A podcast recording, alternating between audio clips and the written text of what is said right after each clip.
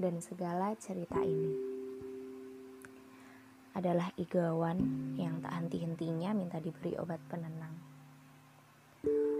Punggungmu adalah bukit yang saban hari tidak kunjung selesai kudaki. Sampai aku patah kaki, sementara kau pura-pura mati. Kepalaku puisi yang tidak pernah mampu membaca tanda di matamu. Tanda titik, ataukah tanda jeda yang berkepanjangan. Tidak pernah ada rumah.